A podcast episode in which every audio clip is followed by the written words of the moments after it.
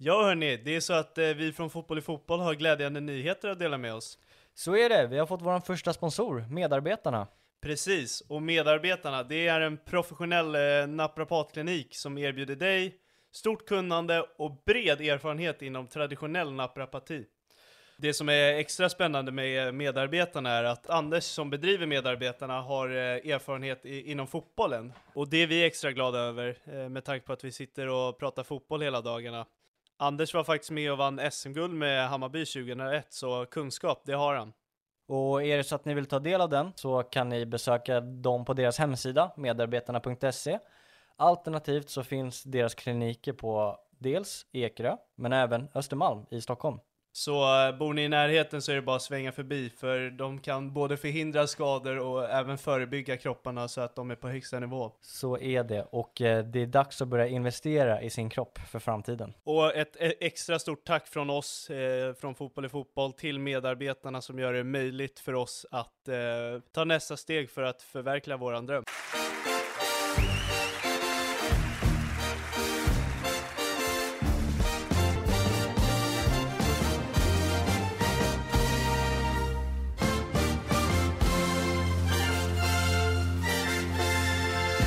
Lyssnar på Fotboll i Fotboll och vi är tillbaka med ett ytterligare gästavsnitt.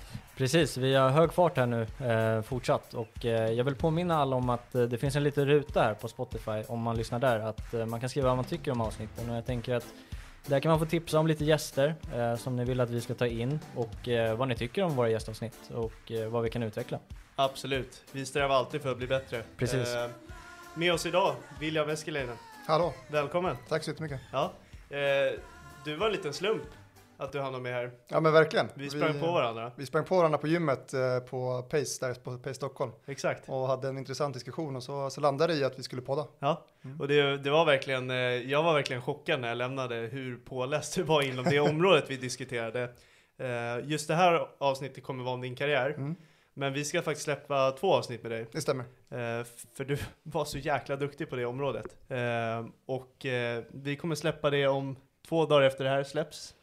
Ja, svårt att säga. Vi får se vad som händer här i veckan, men ja, inom en vecka kan vi säga i alla fall. Ja, så vi- får vi se vilken dag. Vi flaggar för det i alla fall, för det Ja. är sjukt intressant. Verkligen, Ja. mycket intressant. Men om din karriär blir idag. Ja. ja. Vi brukar alltid börja med fem simpla frågor. Ja, så att man får en inblick vem vi sitter med. Ja. Eh, podden heter Fotboll i fotboll. Mm. Eh, vad säger det dig? Eh, oj, mycket. Eh, komplex fråga, men fotboll är ju fotboll på ett sätt. Att det, det är en unik sport, det är en väldigt komplex sport. Eh, och så finns det en stor eh, kommersiell del bakom det. Så det, är- det är ett brett, brett uttryck, men det man kan svara på många olika sätt. Verkligen. Det finns inget rätt eller fel på det här tycker jag. Nej, verkligen. Det Det är en kuggfråga. Ja, nej men precis. Och du målade upp det jävligt bra. Ja. Ja. Vad ger du för tips till någon som blir målvakt?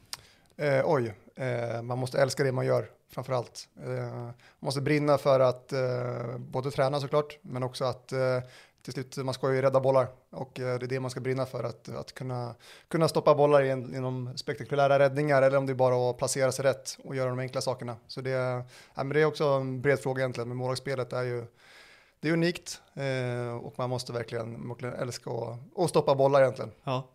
Eh, det här är lite, det var det här vi pratade med dig om innan vi slog på mickarna. En liten hint om att vi skulle ta upp något.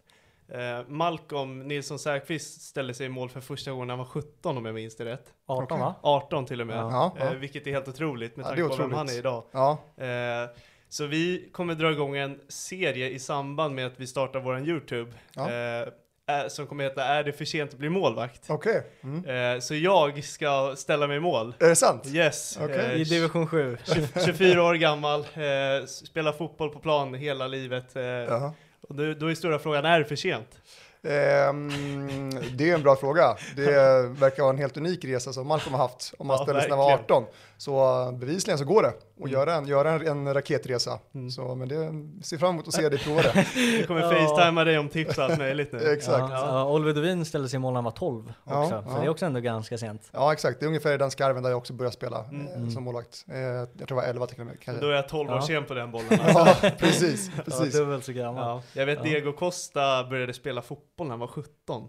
Ja, Är det så sent? jag har också hört Ja, det. Så, ja, I alla fall organiserad Ja, fotboll. precis. Annars han bara spelat på gatan med, med, med kompisarna. Och även Niasha Musekwi som spelade i Allsvenskan i Djurgården, han eh, började spela fotboll när han var 18. Han slutade med basket för att börja just spela det. fotboll. Det kan stämma.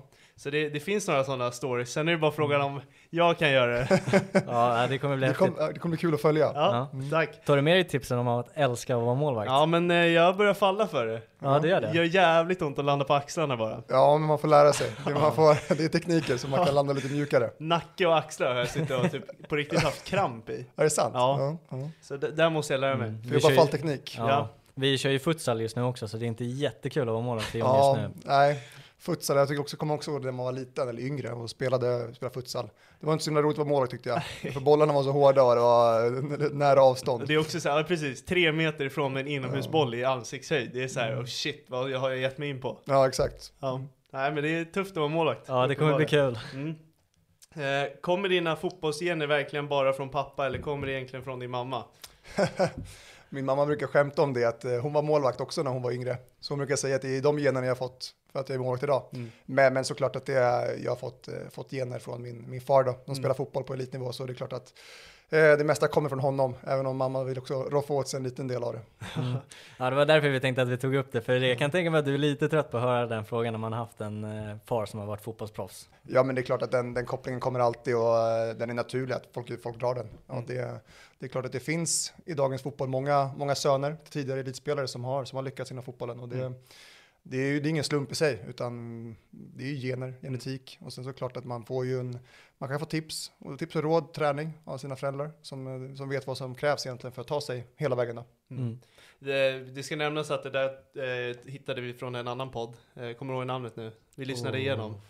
Vi brukar lyssna igenom poddar för att få Ah. information om spelarna och Mm. även inte så här, ta upp samma saker som de har gjort. Så att Okej. man, man får hitta lite. Ja, det kan ha varit hemmaborgen. Heter det? Kommer Ja det kan det vara, Ja. det var nu det. senast på Närkes Allehanda där. Ja. Ja, hemmaborgen heter Ja, det tror jag. bra. Mm. Så att vi Ja. bara nämner det. Ja, lite ÖSK-podd, så vill ni lära mer om Örebro så. Ja. Ja, exakt, in och lyssna. Ja. Där nämnde du också även att eh, nej, men det var smart att ställa i mål för farsan sköt ju på dig. Det är ju jäkla bra tips ändå. Ja, exakt, exakt. Men vi brukar skämta om det, eller i alla fall jag. Ja. Att han behövde någon att skjuta på. Eh, så fick man ställa sig där när han skulle träna.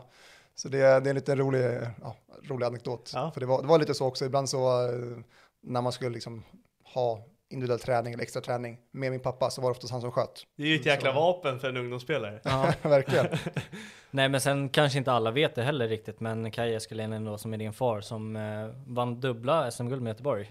Eh, det kan nog stämma ja. Och så Mm. allsvensk skyttekung också. Så han- Precis, så 11 han, mål va? Ja, exakt. Ja. Rekordlågt. Rekordlågt. Så det, det brukar jag också skämta om. Mm. Att han, han gjorde så få mål.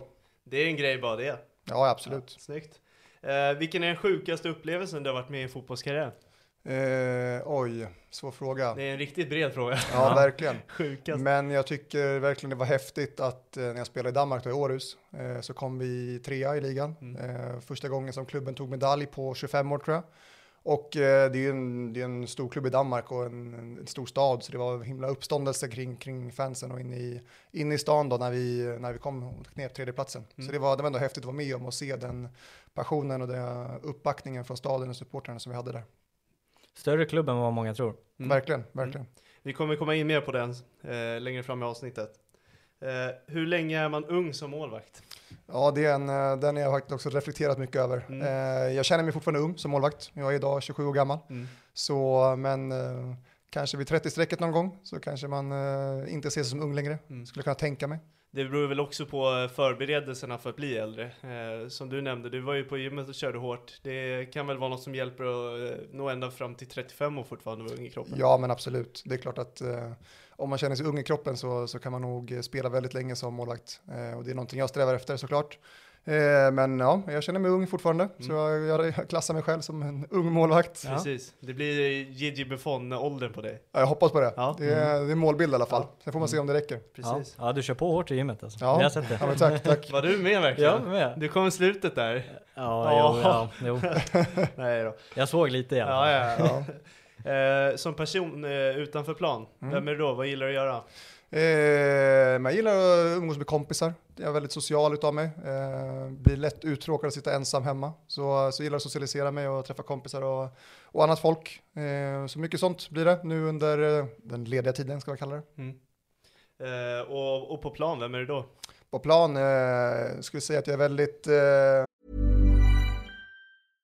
This is Paige, the co-host of Giggly Squad, and I want to tell you about a company that I've been loving, Olive and June. Olive and June gives you everything that you need for a salon quality manicure in one box. And if you break it down, it really comes out to $2 a manicure, which is absolutely insane. It's also so easy to get salon worthy nails at home with Olive and June. The difference between how your nails used to look when you did them yourself and now with the Manny system is a complete game changer. The best thing about Olive and June too is it's a quick dry. Dries in about 1 minute, lasts for 5 days and full coverage in up to 1 to 2 coats. Visit oliveandjune.com/perfectmanny20 for 20% off your first system. That's oliveandjune.com/perfectmanny20 for 20% off your first system. Here's a cool fact a crocodile can't stick out its tongue. Another cool fact you can get short term health insurance for a month or just under a year in some states. United Healthcare short term insurance plans are designed for people who are between jobs, coming off their parents' plan, or turning a side hustle into a full time gig. Underwritten by Golden Rule Insurance Company, they offer flexible, budget friendly coverage with access to a nationwide network of doctors and hospitals. Get more cool facts about United Healthcare short term plans at uh1.com. Hey, it's Danny Pellegrino from Everything Iconic. Ready to upgrade your style game without blowing your budget? Check out Quince. They've got all the good stuff shirts and polos, activewear, and fine leather goods, all at 50 to 80% less than other high end brands. And the best part? They're all about safe, ethical, and responsible manufacturing. Get that luxury vibe without the luxury price tag. Hit up quince.com slash upgrade for free shipping and 365 day returns on your next order. That's quince.com slash upgrade.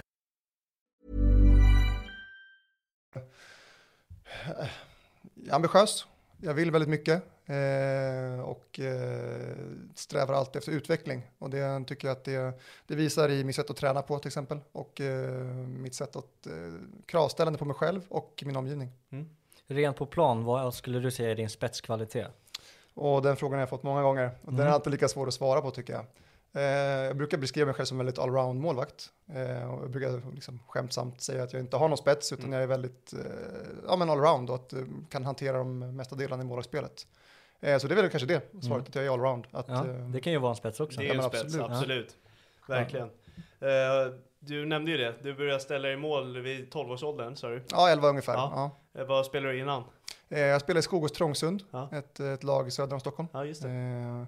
Så där egentligen man tog sina första steg på fotbollsplan då och fick testa på såklart som alla kanske fick göra när man var yngre. Ja, men turades om att stå i mål och jag, jag tyckte om det, verkligen. Och så ja, föll det naturligt. Jag var ganska duktig på det och, och hade den där passionen som vi pratade om innan, att rädda bollar.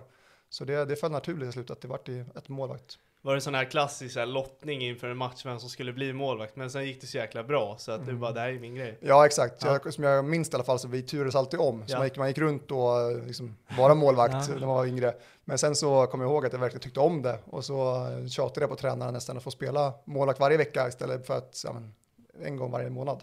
Så ja, men jag tyckte det var kul.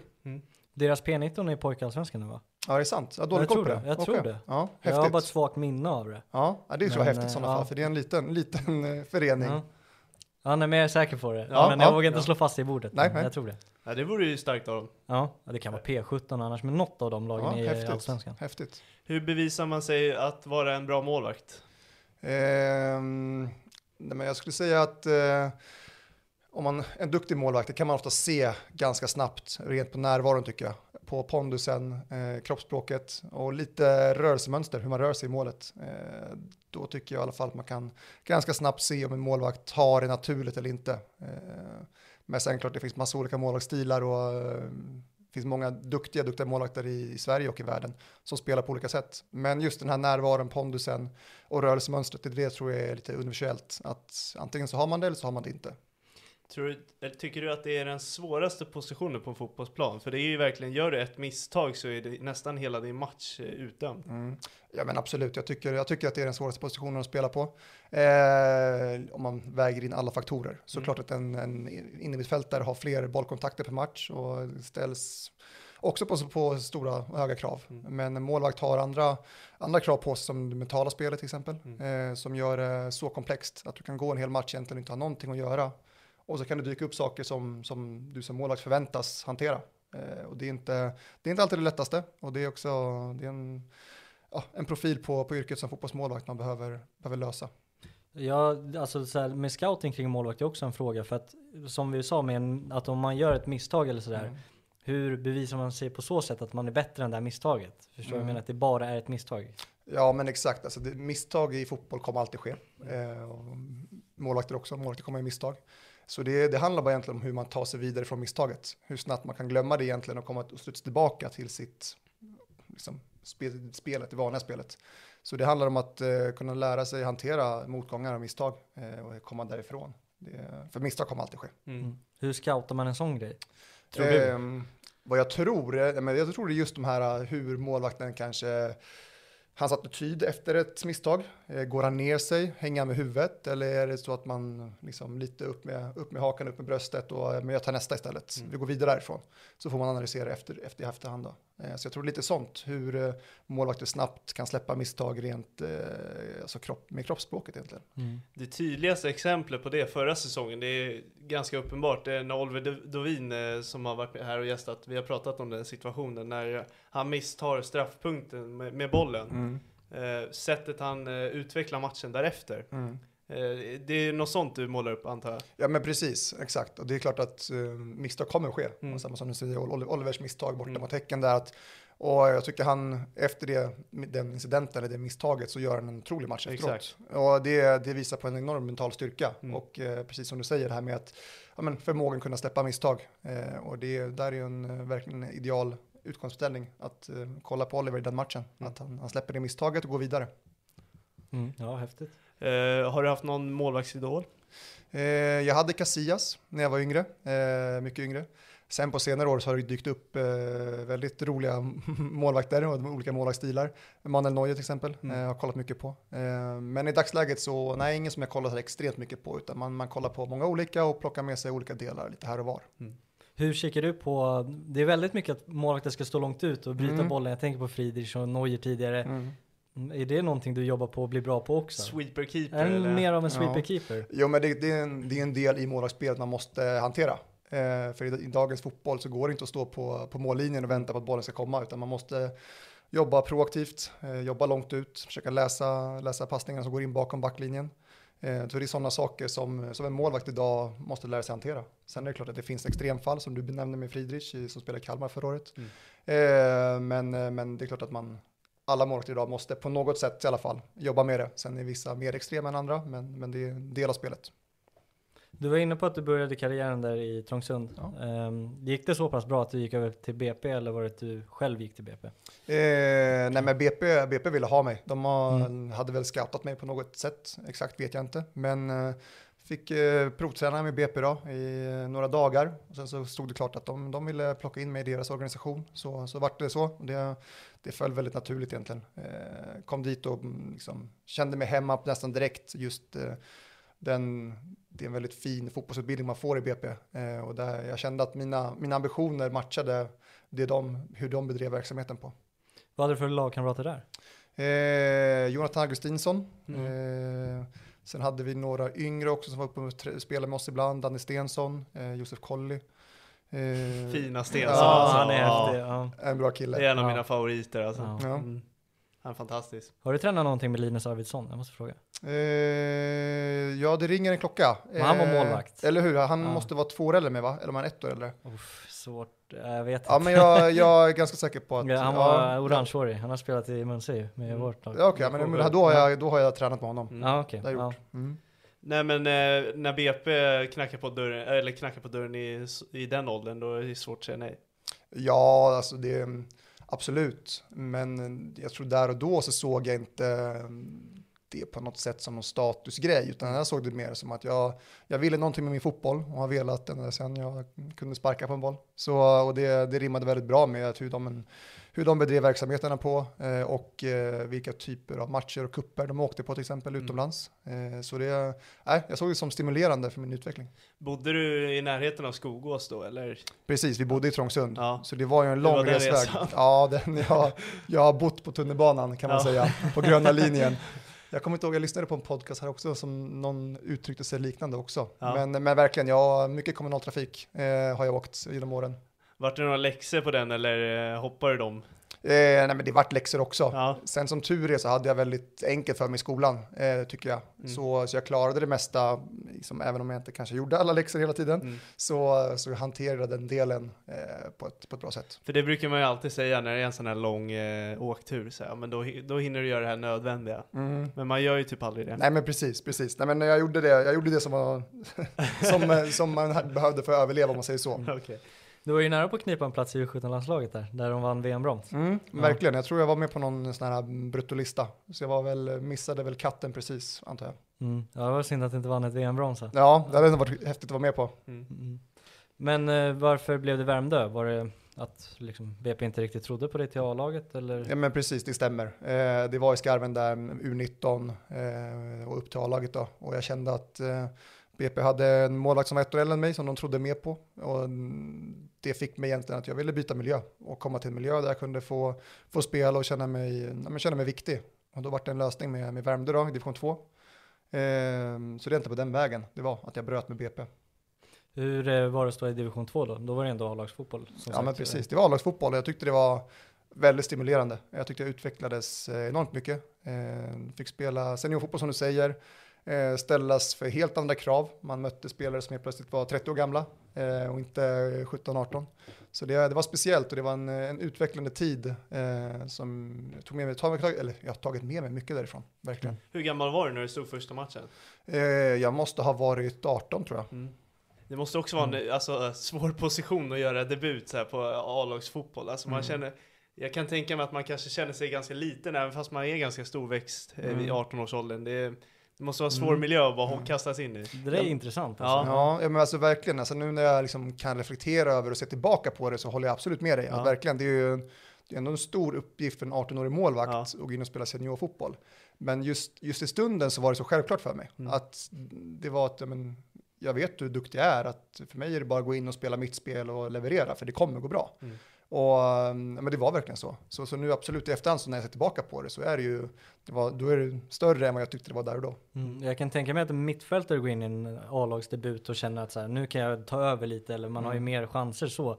Men gör du ett misstag i din eh, debut nu, då är du körd, alltså mentalt, Mm. om man inte är stark då. då. Ja, absolut, verkligen. Och det är som du säger, man är 18 år, så kom jag dit och jag fick väl första tröjan för en lite mer äldre etablerad målvakt Mm. som har spelat i Värmdö länge. Eh, Så det var ju lite på det också att om jag hade gjort några misstag eller gjort några sämre matcher så eh, kanske inte jag hade suttit där jag gör idag Mm. eh, och haft den karriären jag haft hittills. Så det, mm, det var ju också mycket att förlora kanske, eh, just där och då. Men, men jag, såg, jag såg det inte på det sättet. Jag såg Mm. bara uppsidorna och det var Ja, väl var det som, som hjälpte tror jag. Mm. Mm. Men det är också så här, det du slåss ju bara om en plats. Är man en 18-årig högerback och inte tar plats där, då kanske man kan hitta en annan lösning. Du kan spela vänsterback, du kan skolas om på ett mittfält, eller kanske agera mittback för att hitta en startplats. Är du målvakt och tar inte första spadet, då är, då är du utanför. Ja men verkligen, det är ju verkligen en unik position som du säger att Mm. man byter ju väldigt sällan målvakt Mm. och det finns egentligen bara en tröja. En mittfältare kan bli inbytt och bevisa sig på så sätt. Mm. Medan målvakt, är, det är bara på träning man kan bevisa sig. Mm. Och sen så är det ju bara oftast, då man har en första målvakt som spelar eh, och man byter väldigt sällan där. Hur fungerade det i luftrummet när du gick över till A-lagsfotbollen? Var det den största skillnaden? Ehm, det är bara en fördom jag har. Ja, men jag, jag kommer inte ihåg så specifikt, gör jag inte, men, men jag, kommer, jag upplevde inte att det var några problem eh, på något sätt så egentligen, utan jag tycker att det, det föll ganska naturligt, hela spel, ja, mitt spel, mitt, min, min spelstil eh, föll väldigt naturligt in i, i seniorfotbollen. Eh, jag, man tvingas anpassa sig ibland, eh, det gjorde väl jag också på ett sätt. Eh, men, ja, men jag upplevde inte att det var några så här, shit det här var, det här var svårt eller det här var ett problem för mig. Det gjorde jag inte. Och inga konstigheter med att styra laget bakifrån som 18-åring. Du kanske har 30-åriga backar framför dig. Kändes det något, något mentalt tufft med det eller? Mm. Nej, faktiskt inte. Utan det, det var verkligen, jag kom in som, alltså helt självklart Ja. vad jag skulle Mm. göra. Ja. Och eh, jag tror också att eh, mina medspelare där och då, de tyckte att det var ja, men, kanske en liten frisk fläkt. Mm. Att det, men nu kommer in en 18-åring som knappt bryr sig, utan Mm. han bara kör. Mm. Så jag tror också det, ja, men det, jag tror de uppskattade det mindsetet också. Mm. Vad ligger till grund till den här mentaliteten? Eh, nej men klart att mycket i eh, bara hur jag är som person Mm. överlag. Eh, sen också klart eh, mycket kring min pappa som jag nämnde tidigare. Att vi har jobbat mycket kring de här bitarna också, just det mentala. Att hur man ska tackla utmaningar, hur man ska se på, ja, men, se på uppgifter och eh, fotbollen överlag. Så det, jag tror att det, det, det är bara någonting som har växt fram inom mig också. Att det krävs en viss typ av personlighet nästan för att ta sig fram i, i elitfotbollen. Eh, och, eh, så det, det är någonting jag har jobbat på mycket. Mm. Ja, alltså du nämnde ju inte ens det som en av dina spetser, det mentala. Efter det jag hör så känner jag att det finns ju säkert målvakter som var bättre än dig då. Mm. Men jag hör ju att du har ju en jävla fördel. Om du går in med det här mindsetet och någon går in och är darrig, men ändå är bättre än dig, Mm, förstår du? mm. Så vinner ju du ändå matchen med den Ja. målvakten då. Nej, men jag fattar vad du menar och absolut, det är klart att det mentala är en, en stor av mina, eller den största av mina styrkor nästan. Så har det alltid varit, att jag, jag har alltid, alltid jobbat hårt, eh, alltid velat ta mig någonstans och alltid satt upp delmål eh, och, strävar emot dem. Så det är klart att det, det mentala, den mentala biten är absolut någonting som, som jag har haft till fördel i min karriär, liksom när jag skulle slå mig fram, ta mig fram helt enkelt. Och från Värmdö blev det Hammarby. Stämmer, stämmer. Mm. Hammarby plockade in mig, eh, därefter jag gjorde Det var Ingblad. Exakt, Mats Ingblad Mm. eh, och Micke Hjelmberg som plockade in mig i Hammarbys organisation. Mm. Eh, så kom dit, fick vara tredje målvakt och se och lära i en allsvensk miljö eh, som det var då. Så det var, det var häftigt och eh, ja, jag lärde mig mycket där också. Hade de lagt upp en plan för dig där? Eh, ja, det fanns en plan. Vad var den? Eh, det var helt enkelt att jag skulle träna eh, i en allsvensk miljö, se och lära, sen fortsätta vara utlånad till en division 2-miljö till en början och senare hitta en division 1-miljö. Eh, så egentligen var den, det var ju ingen sån långsiktig plan på fler, en flerårsplan, utan det var mer en ett år, tvåårsplan eh, där det fanns bara att jag skulle få maximal utveckling på, på mitt spel. Vart vart du utlånad? Eh, först tillbaka till Värmdö, Ja, sen så gjorde jag om det var en säsong eller en halv säsong i Aspudden också. okej. och sen ytterligare en halv säsong i Enskede i division 1. Mm. Hur, eh, du hade, vad, vilka var det då? Det var Vilan och var det Kurci? Nej, det var fan Nej, när jag kom dit Blasevic måste varit där så... och Vilan. Nej, då, när jag kom dit så hade vi Ögmundur, Kristinsson Just det. och Mm. eh, Tim Markström. Mm. Just Eh, det. Ja, och så Johannes Hopp var där också, just det, det glömde Ja, jag. ja. Innan, Ja, ja, innan han Häftig kille. såldes. Ja, det är en himla fin kille. Mm. Stor respekt för honom. Ja men det där måste ju också vara skönt när det kommer till Hammarby att få hjälp av sådana tunga målvakter för att, eller Ögmundur var ju ändå landslagsspelare under den perioden. Hoff hade haft en lång eh, karriär och var ändå en del av landslaget en bit Mm, där. mm.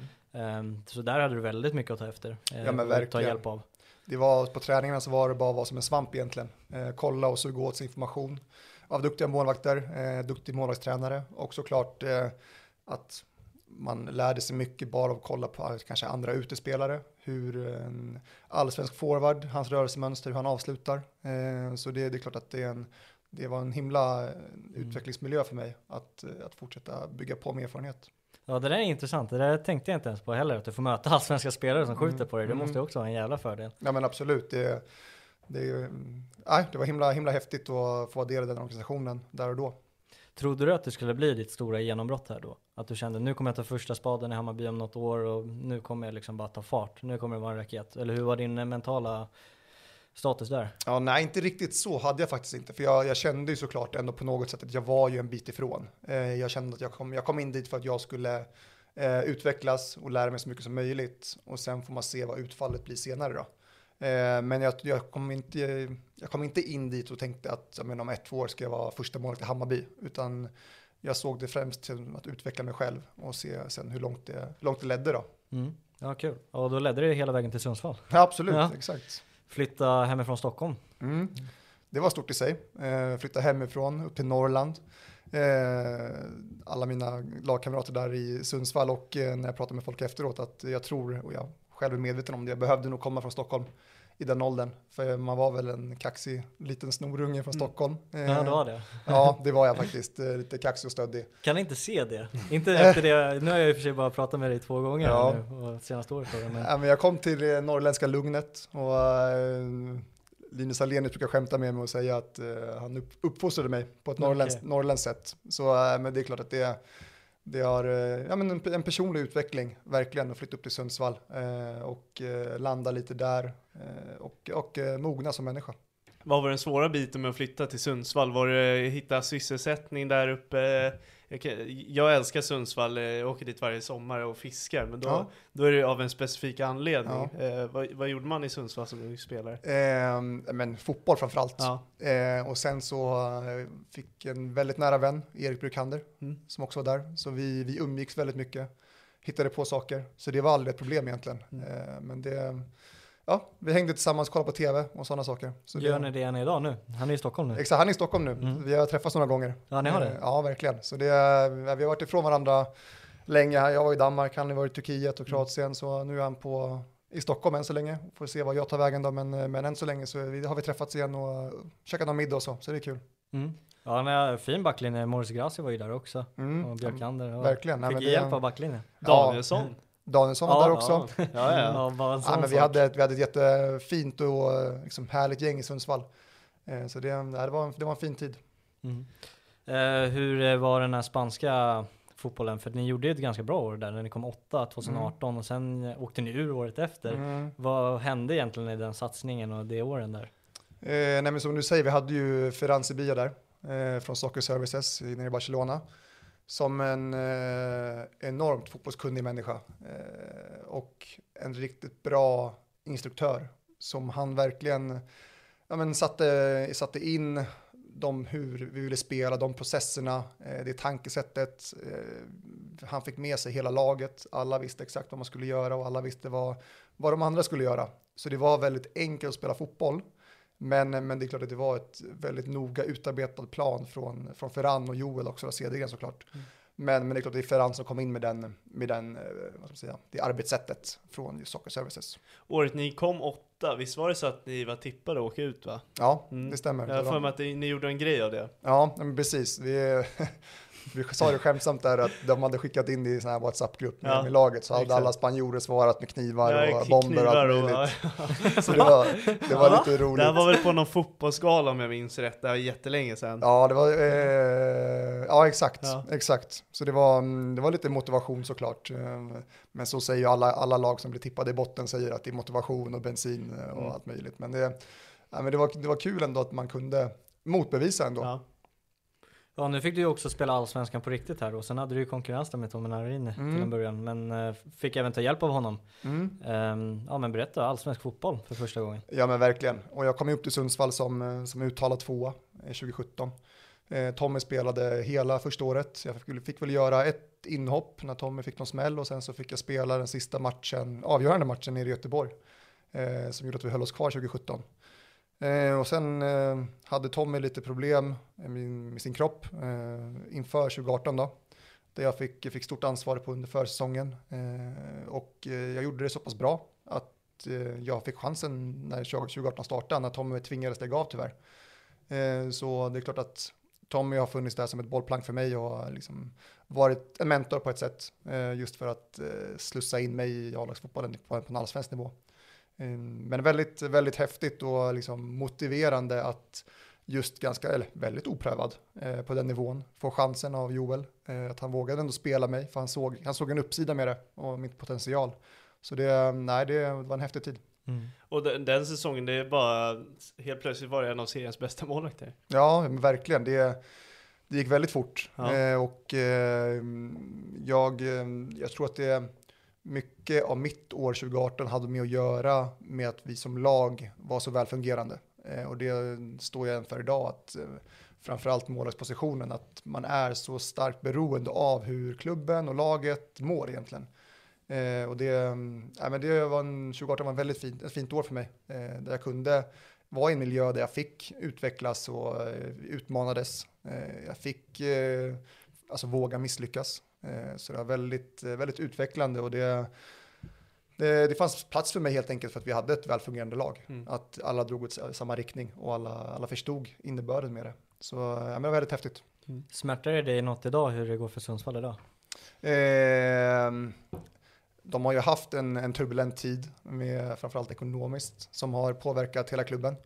Och eh, tyvärr har det väl varit lite så att Sundsvall har som klubb har påverkats av ekonomin ända sedan tillbaka på min tid. Men det är väl först nu som det verkligen har tvingats dra i handbromsen från hela klubben. Eh, men det är ju en, det är ju en allsvensk förening, en allsvensk klubb som ska Mm. spela allsvenskan eh, i mitt tycke. Så, så jag ser fram emot att de, de är på väg att göra en resa nu med en, med en ung spännande tränare eh, och Joel är sportchef. Så Mm. jag tror och hoppas att de kommer kunna bygga den klubben på sikt. Så det inte bara blir att man tar sig upp och så ska man släcka bränder igen och sen blir det problem med ekonomin. Utan jag hoppas att de kan bygga, bygga klubben från, från grunden ordentligt. För de ska höra hemma i allsvenskan. Hur mycket är eh, den geografiska frågan, alltså hur mycket ställer den till? Eh, inte så mycket tror jag faktiskt. Eh, utan eh, Sundsvall har en väldigt, eh, de har bra förutsättningar där uppe. Mm. De har en fullstor inomhushall som de kan träna på, träna på, på vintern. De har en, en, en fin arena för stadens mått mätt. Eh, De har en kommun som, som jag tycker i alla fall står bakom, står bakom liksom fotbollen. Så jag tycker de har förutsättningar för det. Sen klart, det är långa bussresor, ibland är det flyg. Och det, men det, så är det för alla egentligen. Det är bara restid. Så det, men geografiskt sett, nej, jag tycker inte det påverkar så mycket. Utan jag, jag tycker de kan vända på det och säga att de har ju fantastiska möjligheter att vara verkligen Norrlandslag. Att eh, använda den stora, det stora området. Dammsuga upp varenda fotbollsspelare där uppe. Precis, Ja. alltså både upptagningsområdet och sen självklart också liksom i eh, näringslivet. Att det finns en många stora, stora företag som säkert skulle kunna tänka sig ställa sig bakom ett projekt just att eh, man anspelar på att Sundsvall är Norrlandslag. Eh, En sista grej där kring eh, 2018 med Sundsvall. ja. Eh, Jag nämnde det till dig när jag träffade dig innan, att du var en riktig fantasy-kille det Ja, just det. Ja. Assisten borta mot Göteborg och eh, rädda straff och Ja. hundra räddningar och allt vad det var. Ja. Ja, shit, det var första gången du fick höra det också. ja så du verkligen. Jag, jag har inte hört det förut. Ja, nej, det- just det året alltså. Du var tokgiven i laget då. Jag tror nog inte många kanske hade mig på förhand. Men de kanske plockade in Nej, under precis, säsongen. under säsongen. Ja. Ja. Nej, för du var ju så jäkla billig också. Ja. När du uttalade andra mål Ja. så kostade det ju bara 4,0 Jag vet Ja, inte bra ja. koll du har men. Nej, nej, men Nej, häftigt. så riktig klippa, det ska du ha. Många gillar dig på grund av det också. Jag satt och läste lite så här gamla artiklar. Eh, artiklar. Eh, Danielsson går ju till Djurgården 2018. Mm. Hur nära var du Djurgården? Eh, alltså inte så nära som kanske många trodde. Mm. eller som att det stod i media. Det är klart det fanns en kontakt. Eh, jag fanns säkert på en lista hos Mm. Djurgården. Jag visste ju om att det fanns ett intresse och det kunde bli någonting. Men det landade aldrig i några förhandlingar eller, eh, eller konkreta förhandlingar snarare. Mm. Utan jag tror de, de hade sitt spår på han eh, norrmannen som de tog. PK, just det. Och jag tror att de, det, var hans, det var deras första val och de fick honom. Mm. Men jag tror säkert att de var med på en lista, absolut. Fick vi riva av den. Ja, Eh, nej men sen eh, är det ju året man åker ut. Eh, hu- hur, det, det är så jäkla sjukt från den här sjunde platsen och imponerat så stort Mm. och sen bara krascha allt. Men verkligen. Vi tappade ju Ferran efter 2018. Mm. Eh, så, så lite av det, vad ska man säga, den, eh, den tryggheten försvann kanske i hela klubben och spelargruppen. Att vi visste om eh, hur uppskattad och viktig Ferran var egentligen för, för vårt spel. Eh, inte bara på det långsiktiga, utan i det dagliga. Hur, också kring matcher, att eh, hitta, hitta Pratades det för lite om honom? För jag kommer knappt ihåg det nej här inte jag namnet. Jag Ja. vet, vet knappt. det. Nej, jag tycker eh, han, nej alltså man borde nog prata mer om Ferran. Ja. Och eh, han är ju idag huvudtränare i Helsingfors, i HJK. Okej. Ja. Och det är hans första huvudtränaruppdrag. Och jag, men jag tror starkt på honom. Mm. Det är en, en väldigt eh, kunnig eh, fotbollstränare som, jag, som, som är, ja men det borde pratas mer om, om Ferran, eh, absolut. Mm. Ja, lackade du på Jukanovic igår också såg Jag gjorde han det? Ja, det jag missat. Sorry att jag avbröt, jag ville bara få, lite klarhet ve- vem det här är, för jag kommer inte ihåg namnet alls. Okej, Ja. ja. Mm. Nej men eh, tillbaka till året ni åker ut, Ja. ni tappar honom. Vi tappade honom. Eh, sen fick vi, vi hade ju åkt ur eh, Svenska kuppen så vi hade ju ingen Svenska cupen på försäsongen utan vi fick eh, ja, träningsmatcher mot eh, division 1-motstånd och norska motstånd för att alla andra svenska elitklubbar var ju upptagna med kuppspelet. Och så vart det väldigt eh, sönderhackat försäsongen, många matcher snöade bort till exempel. Eh, så vi, vi fick ingen bra start, utan vi kom ganska snett in i säsongen från start, tycker jag, så här är det på efterhand. Och sen, eh, ja, vi, vi hade en tuff period där på våren, där det gick tungt för oss, eh, verkligen. Sen, eh, sen på sommaren så lämnade ju jag, eh, Linus Alenius, Mike Sema också. Eh, så det var ju grundat ekonomin då. Klubben mm. behövde in pengar, försäl försäljningar. Hey, I'm Ryan Reynolds. At Mint Mobile, we like to do the opposite of what Big Wireless does. They charge you a lot, we charge you a little. So naturally, when they announced they'd be raising their prices due to inflation, we decided to deflate our prices due to not hating you. That's right. We're cutting the price of Mint Unlimited from $30 a month to just $15 a month. Give it a try at mintmobile.com slash switch. $45 upfront for three months plus taxes and fees. Promo rate for new customers for limited time. Unlimited more than 40 gigabytes per month. Slows. Full terms at mintmobile.com. Ready to pop the question? The jewelers at BlueNile.com have got sparkle down to a science with beautiful lab-grown diamonds worthy of your most brilliant moments. Their lab-grown diamonds are independently graded and guaranteed identical to natural diamonds, and they're ready to ship to your door. Go to BlueNile.com and use promo code LISTEN to get $50 off your purchase of $500 or more. That's code LISTEN at BlueNile.com for $50 off. BlueNile.com code LISTEN. Så det var, en, det var ett tufft år för föreningen tror jag. Nej men det var ju inte vilka spelare som helst man tappar då, det är verkligen nyckelspelare. Eh, och eh, det är en svår situation om man måste lösa det ekonomiskt och göra sig av av de här pjäserna. Eh, det brukar ju inte resultera i att man eh, gör någon succé då. Nej men precis, och det är ju, eh, det är ju tyvärr det som är med nedsida med, med liksom fotbollsbranschen, om man säger så, att det kan finnas klubbar ibland som, som lever liksom över sin egen, Mm. sin egen pengakassa och då tvingas, som du säger, göra sådana här försäljningar för att just eh, få, upp, få upp balansräkningen. Och då, ja, men då, då blir det tufft rent sportsligt. Man Mm. tappar ju en, man, viktiga spelare oftast. Eh, så att det, det kan gå tyngre sportsligt. Och det, det är klart att det är en, det är en chansning att göra. Att ja, men vi kanske måste sälja. Eh, så ja, det lyckades inte, eller Sundsvall lyckades inte liksom, rätta ut eh, 2019-säsongen då. Utan det slutade med att man fick åka ur. Och det är klart att det var, det var himla tråkigt, Mm. verkligen. Verkligen. Men eh, du får fortsätta med ett spännande kapitel vidare i din eh, resa Mm. eh, och fly- flyga till Danmark. Hur var den grejen? Och varför vart det Danmark? Eh, men det var Danmark just för att de hade en eh, sån tydlig plan för mig. Eh, och det var, de sålde in sitt projekt och hur de såg på mig väldigt, väldigt väl. Så var egentligen det valet föll på. Eh, så sa nej till andra erbjudanden, men valde just Danmarksspåret för det kändes som det mest eh, lockande rent sportsligt, tyckte jag, där och då. Hade du kunnat välja några bättre breddgrader? Eller vad var det för typ av klubbar ungefär? Ja, men jag hade ja, men lite mer syd på, absolut, eh, som jag hade kunnat eh, kunna välja. Men jag såg, eh, såg det projektet i Danmark som väldigt, väldigt spännande. En del svenskar i laget också. Eh, ja, när jag kom dit så hade vi Niklas Backman var där. Mm. Eh, sen senare kom Erik Karl också, när jag, när jag var fortfarande kvar. Är det ett val du fortfarande är nöjd med att du gjorde eller är det något som du sitter och kliar i håret för? Så här, varför tog jag inte det där istället? Eh, Det är lätt att vara efterklok. lätt att vara efterklok Ja. såklart och det är en, en tudelad fråga. Alltså Mm. Jag hade ju mitt första ett och ett halvt år kanske där kanske, eh, de är, de är jag riktigt liksom, stolt över nöjd över. Mm. Eh, men sen så, som, som synd var så slutade det på ett visst sätt. Mm. Och det är klart att med fast i hand så kanske man skulle ha valt något annat. Men, men där och då så grundade jag beslut på väldigt bra anledningar. Och det, jag, jag är inte en sån person som ångrar någonting heller. Nej. Utan, utan jag, jag tog det beslutet där och då på den informationen som jag hade. Och um, tyckte det var bäst för stunden. Mm. Så, så nej, det är ingenting jag ångrar direkt. Och det gick ju väldigt bra i början. Verkligen, eh, verkligen. Hela första säsongen var ju otrolig för egen del och för laget. Eh, som jag nämnde tidigare, vi kom trea. Mm. Eh, första gången på klubben, eh, på 25 år, Mm. eh, som klubben tog en medalj och fick spela väldigt häftiga matcher, eh, spela viktiga matcher eh, och liksom verkligen få förståelsen av vad det innebär att eh, försöka vinna varje vecka. För att man är med och tävlar där uppe om, om liksom fina, fina platser, fina medaljer. Mm. Och sen också att förstå, men man spelar i en stor klubb, det kommer en viss, viss förväntning från fansen. Eh, så det var också en intressant del i, i fotbollen som jag fick lära mig. Jag har tidigare spelat för Sundsvall då, som, är, som inte, inte finns de yttre faktorerna.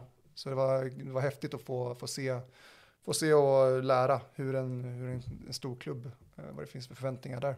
Var det bara guld och gröna skogar första året? Jag tänker du flyttar ju ändå utomlands, det kan bli ensamt och hela den där biten. Hur funkade det för dig eh, socialt?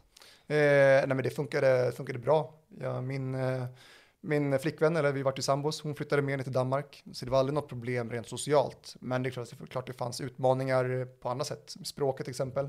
Eh, Mm. Det är inte det Skitsvårt, lättaste alltså. att förstå danska eh, när, man, när man kommer dit. Jag tänkte att det skulle vara hur lätt som helst, men det fick jag lära mig att eh, nej, det var bara att ta på Ja. engelska första månaderna innan jag liksom lärde mig danska. Då. Men eh, Kan du danska flytande nu? ja, jag kan Okej. prata flytande danska, Mm. men inte med perfekt eh, brytning kanske. Nej, men okej. jag, jag kan absolut. Jag jobbar inte det här grötiga liksom. Nej, exakt, det är lite svårare. Men, Resten av intervjun på danska nu. ja, exakt, exakt. Jag hade inte fattat. Nej, men så det, det är klart att det, det var en utmaning i sig. Ehm, och sen så var det klart en utmaning att sätta sig in i och förstå att just det, men det här med en stor klubb. Mm. Att eh, helt plötsligt så är man första målvakt i en av Danmarks tre största klubbar. Att, att förstå vad det, de förväntningarna kommer med. Eh, så det var absolut någonting som jag behövde anpassa mig till i början. Att eh, försöka förstå de, eh, den dynamiken. Eh, så det, det tog ett tag för mig att komma in i det tycker jag. Eh, men som det var så, så liksom utvecklade jag mitt spel under säsongen eh, och jag växte som fotbollsspelare. Eh, så, men det, det är klart det inte var, det var ingen, inte guld och gröna skogar direkt när man kom ner, så var det inte. Fick du möta någon jäkligt häftig spelare? Hylund var väl där under de åren? Ja. Höjlund var där, men han fick ju inte spela så mycket i Köpenhamn. Nej. Eh, men det är klart att vi mött många, många häftiga spelare som idag spelar Premier League och spelar i Benfica och allt möjligt. Mm. Så, eh, han är väldigt duktig, Mohamed, Kadu, Mohamed Kudus. Ja, kul. Ja, ja, Ja. Eh, Har han varit i danska? Brunn, I eller? Nord, Okej. Nordsjälland. Nordsjälland, Mm. ja. Väldigt duktig. Eh, sen, eh, den som jag tycker var bäst som jag mött nästan, det är han Kameldin, Kameldin Sulemana. Ja, ja, ja. Eh, ja. Riktigt bra, eh, liksom, spetsegenskaperna som eh, är otroliga. Mm. Eh, är det någon fotbollsspelare i Allsvenskan som hade det, något sånt här skott som du kände, alltså de här går inte att läsa av, eller hans rörelsemönster förvirrar dig? Alltså, hade du någon mardrömsanfallare? Ehm, nej, egentligen inte, men jag, ju, jag träffade Per Frick här nu i vintras. Mm. Och han, jag gjorde ett misstag eh, som gjorde att han gjorde mål när vi mötte Elfsborg borta. Mm. Så jag brukade säga det till Per att det, du är en jobbig motståndare just för att jag, mitt misstag kom mot dig. Så, så det var någon situation jag kastade bollen på honom så gick den in på något sätt. Ja, okej. Men, eh, Så så- klart att det var han också. Ja, exakt, Ja. exakt. Så jag får väl svara Per Frick om eh, vi ska säga Ja, ja. mardrömsanfallare. Jo- Gjorde han någon riktigt taskig målgest också eller? Det känns som att han kan bjuda på något sånt. Ja, jag kommer inte ihåg vad han gjorde faktiskt. okej. Eh, Kände du dig sviken av klubben av det som hände sen? Med tanke på att de la upp en femårsplan och Mm. Ja, du tänker på danska klubben? Ja, Eh, ja, det gör jag verkligen. Eh, men det är klart, det är ingenting som jag går att älta nu i efterhand. Men, men klart, där och då så var det, det var jobbigt mentalt. Klart att man, eh, man har kommit dit och klubben har sålt in någonting till en. Eh, gjort det bra också. ja men exakt. Att, eh, sen klart att det var inte, det var inte så att jag var någon superman. Men, men jag var inte iskall heller. Utan det är klart att det, planen var ju att första året skulle jag komma dit, eh, lära mig kulturen, lära mig ligan, eh, lära mina liksom, medspelare och eh, liksom göra en godkänd säsong och det tycker jag verkligen jag gjorde. Och sen tanken var ju då att år två, år tre eh, börja ta steg, börja liksom utveckla mitt spel till nya höjder och så. Och den chansen fick jag nästan aldrig, utan den där planen slängdes i papperskorgen efter ett och ett halvt år. mm. Eh, och det, eh, det är klart det var väldigt tråkigt och eh, ja, men, såklart alltså, saker och ting kan, kan ändras inom fotbollen men jag tyckte inte att det var fair. Jag tyckte inte det var rättvist. Eh, men det, det är min syn på saken i alla fall. Det är ju ett annat perspektiv på fotboll än fotboll. Eh, Det är ju Mm. business-sidan på det hela. Mm. Eh, Vilket kan vara en väldigt mörk sida för individer. Och det lå- låter ju verkligen alltså hemskt. Och jag tänker det, mentaliteten har alltid varit din stora styrka under din Mm. karriär. Hur var det just under den perioden? Eh, nej men det var tufft, alltså just med det här att men, man sitter i ett annat land. Eh, jag flyttade dit för att spela fotboll. Mm. Eh, för att det fanns en, fanns en plan för mig, hur jag, skulle, hur jag skulle utvecklas och jag skulle spela. Och sen togs allt det där bort från en. Och det är klart att då, då förändras ens vardag. Eh, man känner sig inte längre uppskattad. Jag upplevde att ja, men, man känner sig åsidosatt av klubben. Att till slut kände man sig bara som en produkt. Och det är klart att det, det blir ju tufft då. Det gör det. Eh, och eh, det var någonting jag tvingades, tving- tvingades tackla där och då eh, och ta mig igenom. Som, som jag till slut gjorde såklart. Men, men det var, det klart, det var, det var en ny upplevelse för mig att just få kanske den eh, råa sidan av fotbollen visad för en ordentligt. Mm. Att det, det är klart, jag är inte den första det händer och inte den sista, utan det, det händer väldigt många fotbollsspelare. Men att eh, nu kan man större förstå, förstå andra spelare som hamnar i situationen, hur jobbigt det är. Mm. Är det, är det den mörka delen med dansk fotboll, att den är lite mer åt businesshållet än svensk fotboll, att den är lite roare? Det finns ju mycket Mm. fördelar med dansk fotboll, att den är roare på ett sätt än svensk, men är, skulle du säga att det är en eh, nackdel där? Ja, men absolut. Det, det blir ju som du säger en konsekvens av till exempel hur Danmark har valt att eh, ja, men, strukturera upp och organisera sig i dansk fotboll. Eh, att det finns den stora business-sidan på det, att eh, det s- kan styras mycket mer i dansk fotboll kring Ja, men kring folk som egentligen inte har koll på, koll på fotboll, utan de är där för, för business och för politik. Eh, och då är det klart att det kommer sådana här eh, nedsidor av myntet då. Att det, det är lätt hänt att då människor som är fotbollsspelare eh, kan, få, ta- kan få åka på, eller få ta stryk utav det. Eh, så det är klart att det är en nedsida just med, med, med, den, med den biten av det. Mm. Eh, när tog du dig tillbaka mentalt? Jag tänker om du blir liksom nedskicket och spelar med reservlaget och juniorerna Mm. och så vidare. Mm. När började du ta dig tillbaka mentalt? Eh, nej men det är klart att det, det tog ju lång tid. Eh, och eh, det viktigaste för mig var egentligen att bara komma ifrån Danmark, eh, komma till miljöer där jag fick spela fotboll som jag fick i Örebro. Men, men det är klart att det tog ändå några månader för mig att men, men läka självförtroendet. Att men, förstå varför man började spela fotboll igen och tycka att det är roligt. Eh, få självförtroende eh, och få förtroende från tränare och eh, liksom medspelare. Det tog ett tag, men, eh, men det, ja, så jag kan inte säga något exakt datum, men, eh, men jag kommer ihåg i alla fall att det tog ett tag tills man verkligen kände sig liksom hundra igen. Var det i Örebro då? Ja men precis, Ja. exakt. Det, liksom, det var ju först när jag flyttade till Örebro där som man liksom på riktigt kunde börja, ja, men, läka i fel ord, men att börja hitta glädjen igen. Mm. Går det att spela fotboll eh, utan glädje? Eh, jag tror inte det, Nej. utan jag tror eh, man måste komma ihåg varför man började spela fotboll. Mm. För fotbollen idag, det är så lätt att det blir en business, som du säger, att det blir ett arbete. Mm. Och eh, jag tror att det är många som behöver eh, tänka tillbaka, varför, var det, varför började man spela fotboll för? För att man ska spela fotboll med, ett- med ett, eh, ett leende på läpparna. Så det, det är väldigt viktigt att komma ihåg det. Och det brukar jag också tänka på liksom, om man spelar matcher, om man spelar ja, men, måste matcher eller vad som helst. Att varför börja spela fotboll för? Det är för att det är roligt. Eh, och försöka fokusera på, på det positiva i det och inte bara se men, vad man kan förlora eller om om jag missar den här passningen så kommer folk bua åt mig. Utan ja, men om du sätter passningen så, kommer, så finns det mycket upp, uppsidor med det. Mm. Innan vi går in på Örebro, det här med som han nämnde att du, de behandlar dig skit egentligen och Mm. sätter ner reservlag och ungdomslag. Hur, hur går man in på en sån träning alltså? Det måste ju bara vara blytunga axlar och bara alltså vilja och inte ens gå in på plan. Ja men precis, Då, det, det vart ju nästan som att man åkte ju bara dit för att man var tvungen. Ja, Ta Eh, närvaro ta närvaro. Ta närvaro, exakt. Att det, man gick nästan på autopilot. Eh, så det var ju lite så egentligen. Det fanns ju ingen glädje med att gå ner och träna med ett U19-lag. Även fast det var, det var ju liksom, det var speciellt ändå. Alltså det är klart att det, det var speciellt för alla, liksom, när de skickade ner mig i U19-laget. Alla U19-spelare, de fattade ju varför jag var där liksom. Och tränarna i U19 också, de var ju, de förstod ju min situation också. De var ju lite, men, gör din grej William, kom hit träna och sen åk hem. Så det var ju, fanns ju ändå förståelse i det från U19-hållet. Eh, så det var ändå, det var ändå kul på något sätt att se att det, det är klart att det, är- det är ändå människor man arbetar med. Men, eh, men det är klart att klubben, jag tror inte att eh, klubben är sådär jättestolt över att hur de behandlade mig och några till. Att just Nej, de skickade ner oss. Som Lukas sa också, ni gjorde ju ett resultat innan också. Mm. Eh, Det måste bara kännas, jag vet inte vad jag ska välja för ord, men ett helvete. Ja men verkligen, verkligen det var tråkigt och det är klart att det, som tur var så fick man ändå ganska stor eh, förståelse från fansen. Det var många som hörde av sig och tyckte att det, Ja, det är det, fint. det klubben gjorde var helt fel ändå att eh, jag ändå varit del av ett, ett AGF-lag som vi kom trea och mm, tog medaljer första gången på 25 år. Att det kändes inte värdigt eh, att bli behandlad så, eh, tyckte fansen då. Eh, så det var, det var ändå fint på det sättet. Mm. Att de, de ändå kunde ha förståelse och inte höll med i klubbens beslut.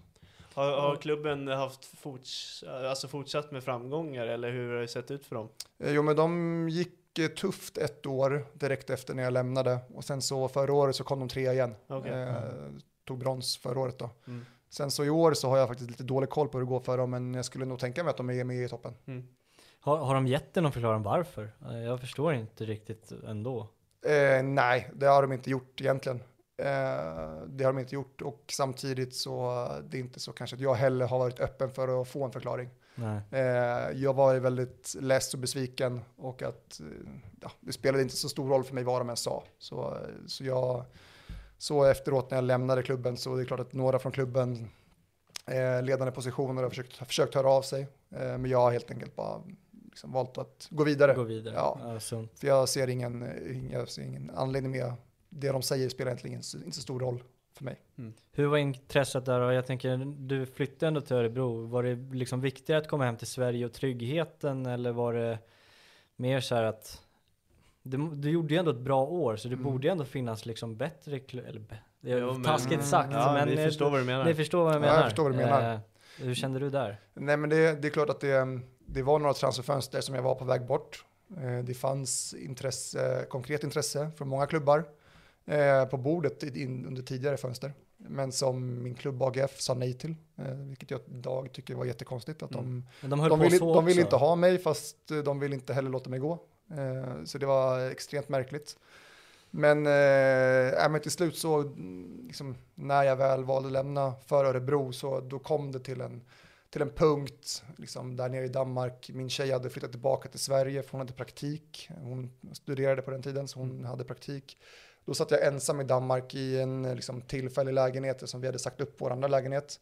Och då, då kändes det väldigt mörkt och jag kände bara att nu, jag tar nästan det nästa första bästa som kommer tar jag. Eh, så då vart det Örebro.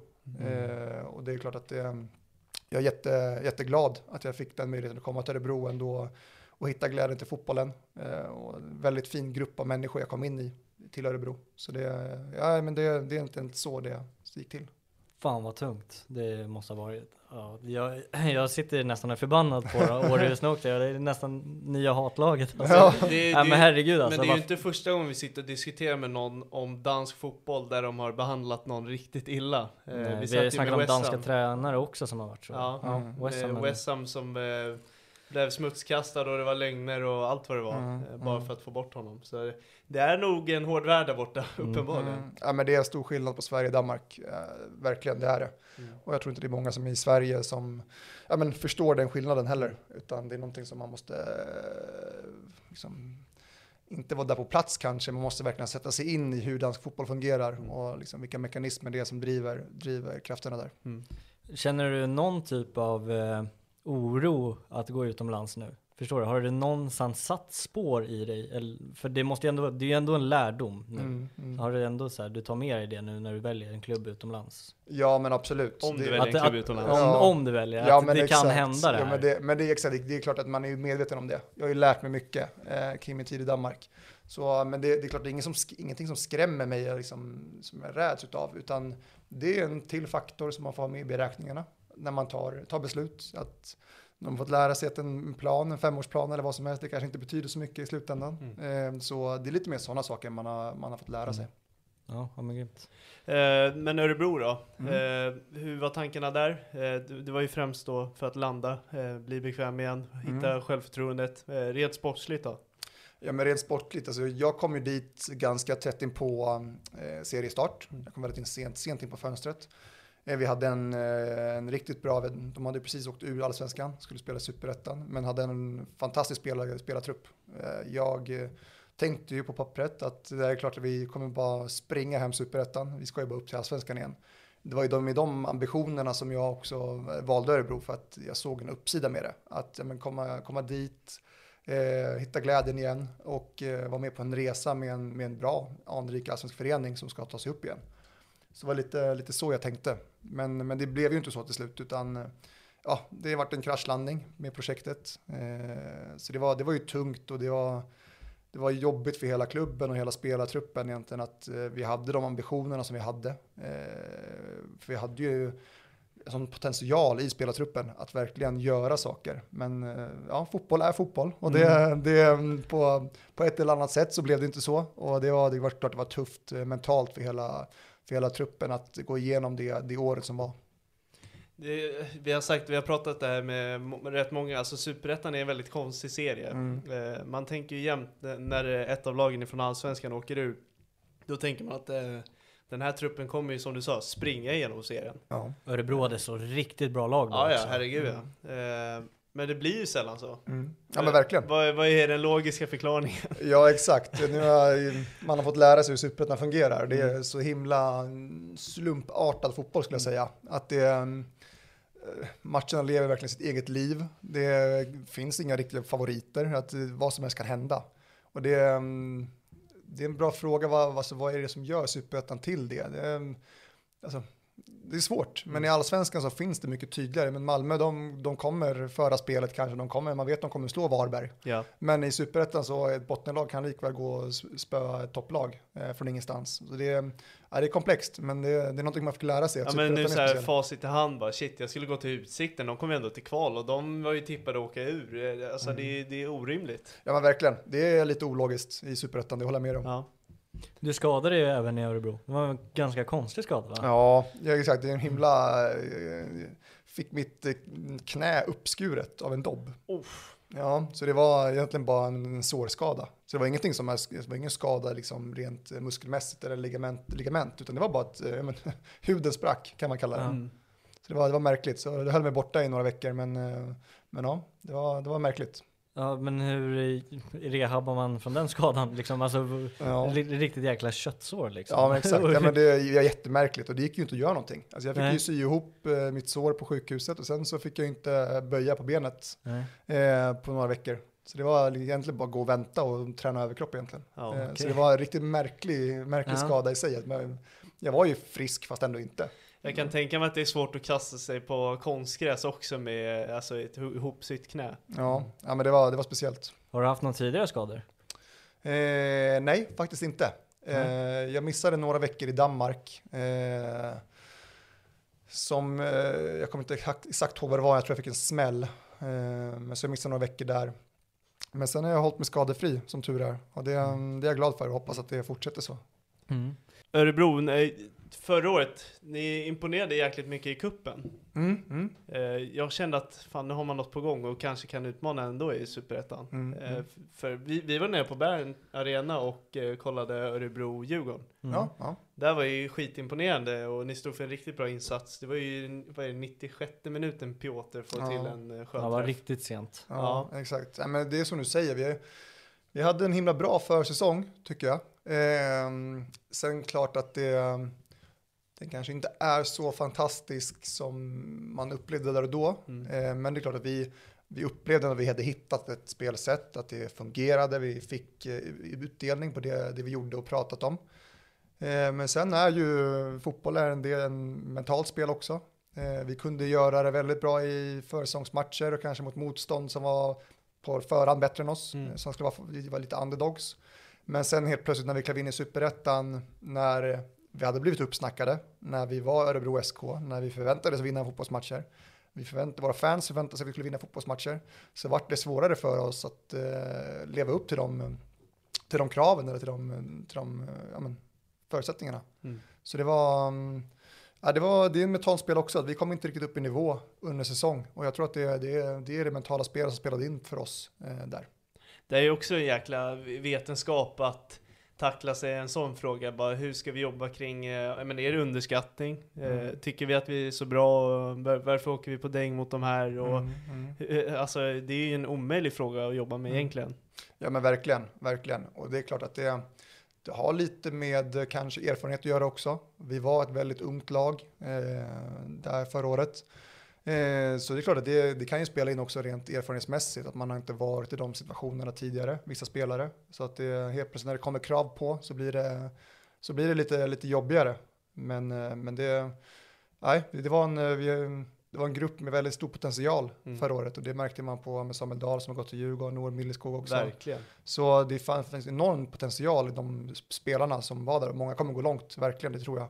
Men att eh, just där och då så kanske uppgiften att gå upp till allsvenskan var för stor för, för vår spelartrupp. Man skulle behövt eh, flera Kalle Holmberg helt enkelt. Ja, men exakt. Om jag, om jag hade haft Kalle Holmberg hela säsongen kanske, Ja. Så hade det kunnat gå. För det, även Kalle var ett väldigt, eh, han kom in eh, som, en, som en frisk fläkt och en väldigt eh, positiv eh, förstärkelse för, Mm. för oss. Och eh, helt enkelt, han räddade oss kvar i superettan skulle jag vilja påstå, med Mm. de målen som han gjorde. Mm. Hur tror du det går för Örebro framöver? Eh, svårt. Eh, de är också en klubb som har jätteproblem med ekonomin. Eh, så det, det är klart att de har ju, de har ju en sån Eh, de har en stark offensiv, om vi säger så. De har en Kalle Holmberg som är eh, överlägset bäst i den serien. Mm. Eh, så det är klart att de, om de lyckas bygga på det och sen att få ihop resterande lagdelar så kan det nog flyga. Men, men jag tror nog att det är kanske lite för mycket att be offensiven göra så många mål per match. Men vi får se om de får ihop det. Men, men det är klart att de har ju de har ju ett spännande, spännande, spännande offensiv.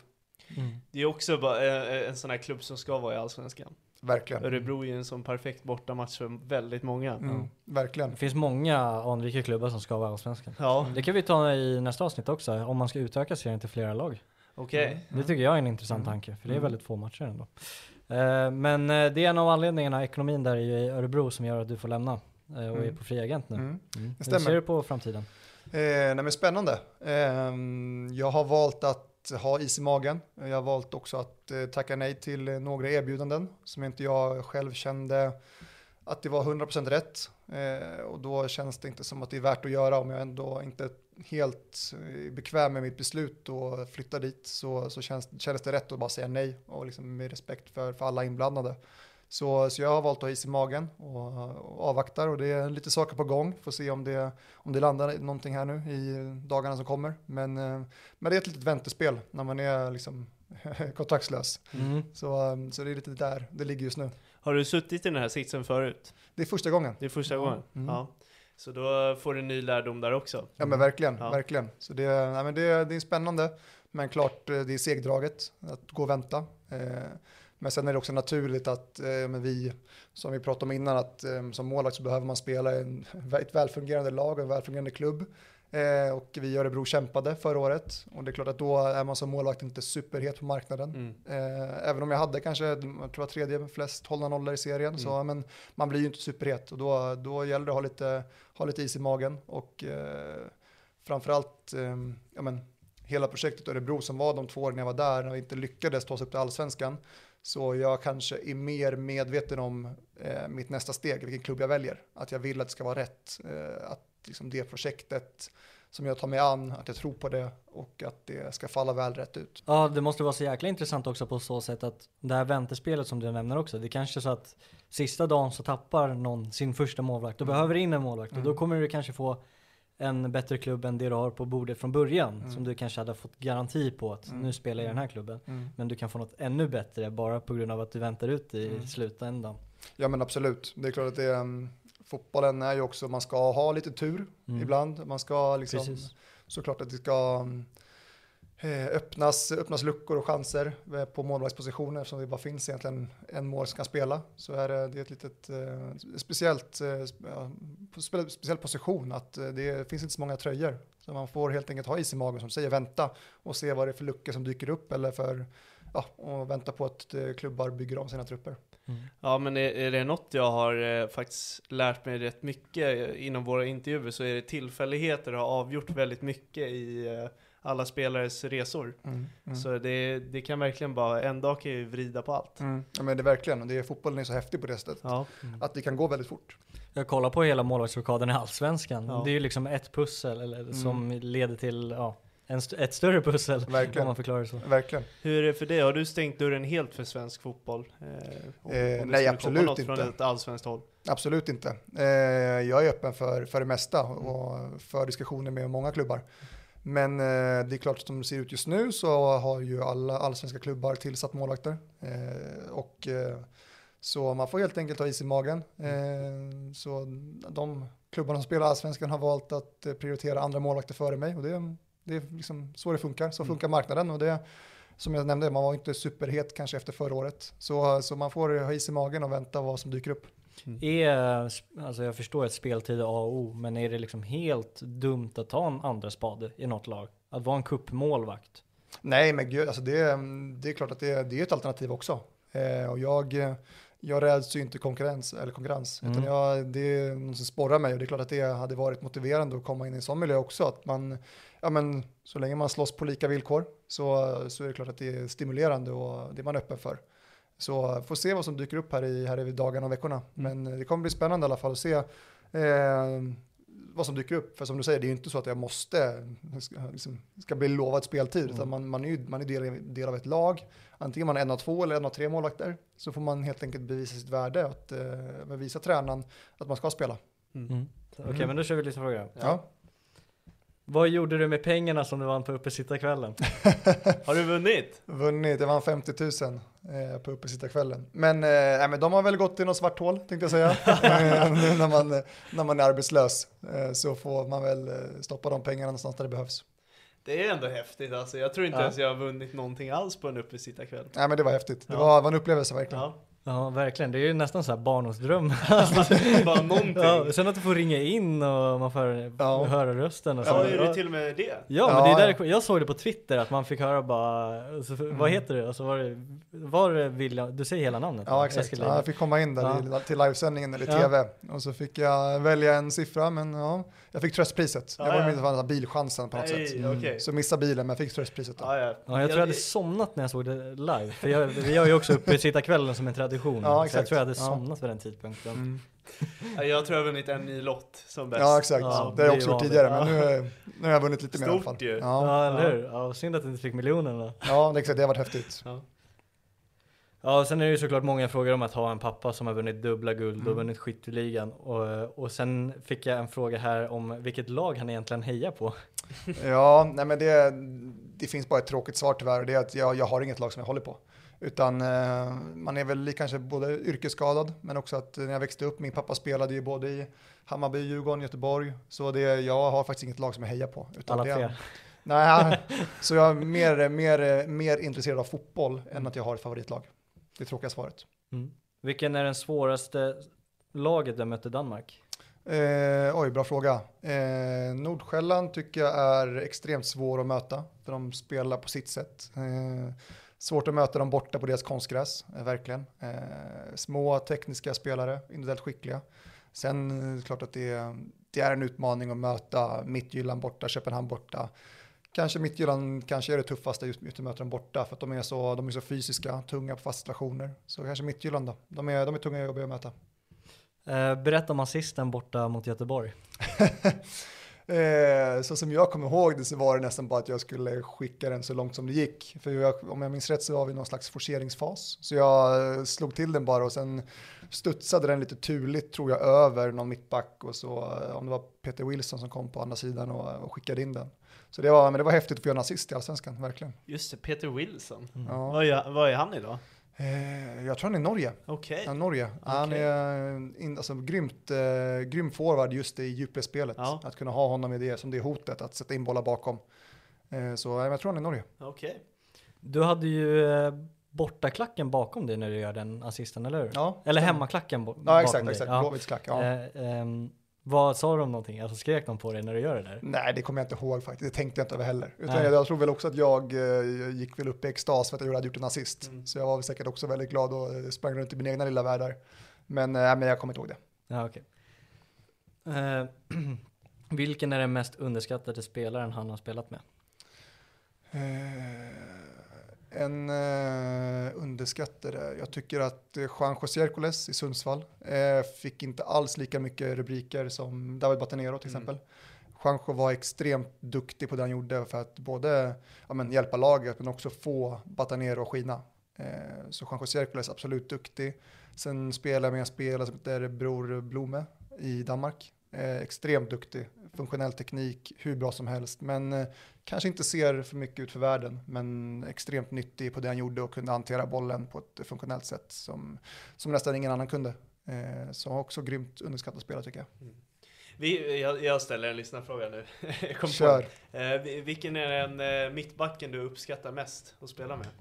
Eh, Har du haft någon som bara shit, han blockar ju alla de här skotten som jag vill bli, få blockade. Mm. Så, fattar du? Jag fattar vad du menar. Ja. Eh, jag har spelat i många duktiga mittbackar, verkligen. Eh, jag tycker till exempel att en sån som Niklas Backman som spelar med i Danmark, eh, grym försvarsspelare. Eh, häftigt att få liksom, arbeta med honom eller liksom spela tillsammans med han för att förstå ja, men lite vad försvarsspel innebär just för att han är från den gamla skolan. Han är, han är så som en mittback var lite back in the days. Mm. Ehm, Mellberg typ. Men exakt, så Backman verkligen eh, spännande typ och sen tycker jag en sån som Erik Brukander och Carlos Moros Gracia. Eh, extremt eh, duktigt tekniska mittbackar, bra på att driva boll, eh, bra speluppfattning och kunde avvärja situationer nästan innan de uppstod. De kanske inte är de största mittbackarna rent storleksmässigt, men, men grymt smarta och eh, kan verkligen förstå samarbetet, eh, liksom mittbackar målvakt till exempel. Att eh, vi gör det här tillsammans, att man, man täcker olika delar av målet, målet till exempel. Så det var också duktiga mittbackar. Mm. Sista, nu kommer jag på en till som är intressant. Ja. Eh, föredrar du att spela med en fyrbackslinje eller alltså med tre mittbackar? Mm. Alltså fem slash Ja. trebackslinje? ja, det är olika det där. Eh, jag spelat båda systemen. Mm. Eh, så det, man får ju lite olika fördelar beroende på vilken, vilket system man spelar rent defensivt. Då. Eh, men jag tycker en fyrbackslinje är det lite mer klassiska, lite mer, jag tycker det blir lite mer man kan bedriva roligare fotboll eh, med tanke på att man som målvakt kan vara också mer delaktig i spelet. Mm. Eh, man kan bli som en tredje mittback. Eh, det är klart det går också i en, i en trebackslinje, men då måste rotationerna se lite annorlunda ut. Medan jag tycker en fyrback så faller det mer naturligt för målvakten att delta i speluppbyggnaden. Snyggt. Ja, jag har en personlig fråga Mm. eh, också. Ehm, när du ser tillbaka, nu är det väldigt långt fram, men eh, efter karriären när du ser tillbaka, vad hoppas du kunna minna mest ifrån din karriär? Åh, en bra fråga. Ja, jäklar vilken Ja. svår. Verkligen.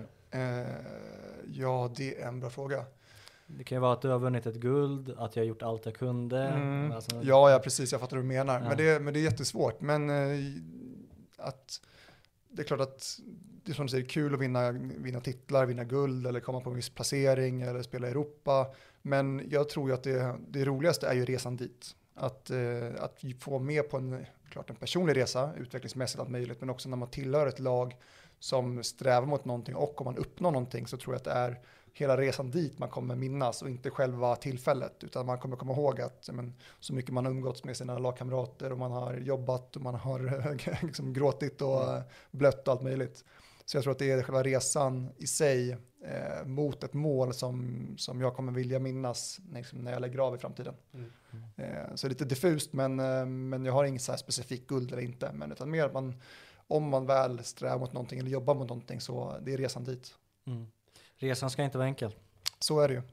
Snyggt. Nej, du målar upp det jäkligt bra. Ja, kul. Ja, faktiskt. Ja, det gjorde du verkligen. Ja, bra. Snyggt.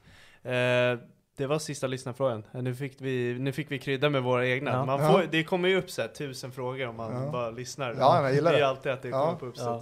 Ja. Eh, snyggt. Grymt. Ja, det var eh, det här avsnittet. Ja. Eh, som sagt, vi ska sätta oss göra ett till. Ja. Mm. Eh, men vi tackar er som lyssnar på det här. Mm. Och eh, vad vill vi påminna om? Att följa oss på alla sociala medier. Ja. Och ehm, som jag sa i början av avsnittet, skriv vad ni tycker om avsnittet och eh, tips om gäster. Ja, Också. nej men det, det uppskattar vi verkligen. Få lite eh, tankar kring vad, vad ni tycker om konceptet och nej men, eh, all feedback är bra feedback. Precis. Kanon. Ha det bra allesammans. Ha det bra.